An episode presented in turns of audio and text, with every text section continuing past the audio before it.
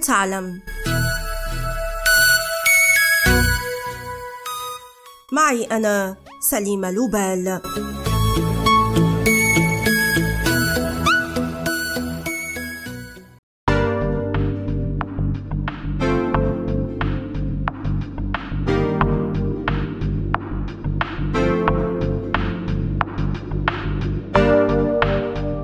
ربطة العنق أو الكرافاتا هل ارتديتموها سابقا؟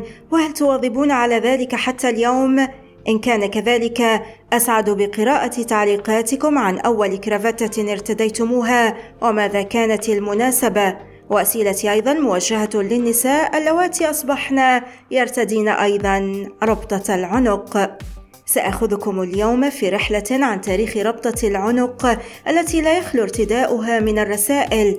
أهمها الجديه والصرامة والمهنية. فلهذه الأداة التي يعتبرها البعض مقيدة للعنق علاقة وطيدة بعالم العسكر وبالنظام العسكري وقيوده. فأول آثار لربطة العنق اكتشفت حول رقاب جنود صينيين. لقد كان أفراد الحرس الشخصي للإمبراطور الصيني تين شو خوا يلفون منديلا حول رقابهم. قبل 2300 عام للدلالة على تميز رتبهم في الجيش.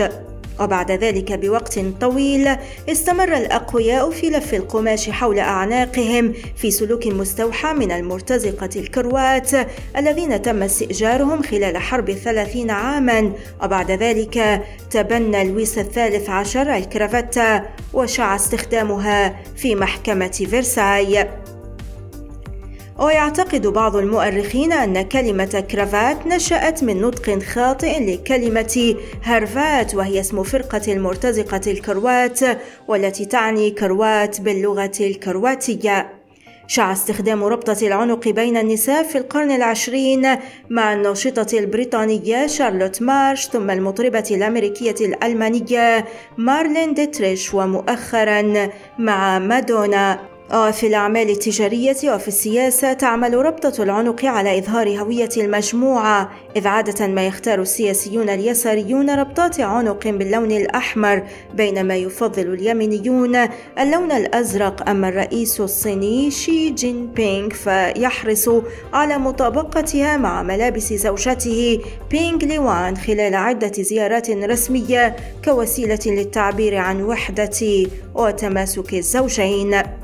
تطور شكل ربطة العنق مع تطور الموضة عبر السنوات إذ زاد عرضها بأربعة عشر سنتيمتر في ستينيات وثمانينيات القرن الماضي ليستقر عرضها اليوم عند ثمانية سنتيمترات.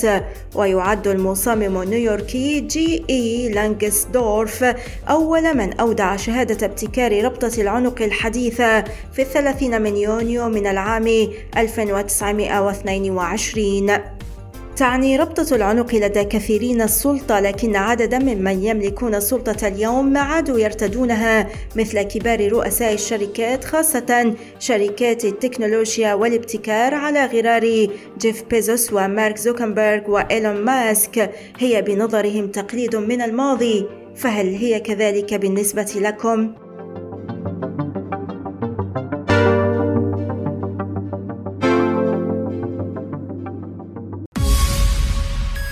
والآن إلى اللقاء مع حلقة جديدة من بودكاست هل تعلم؟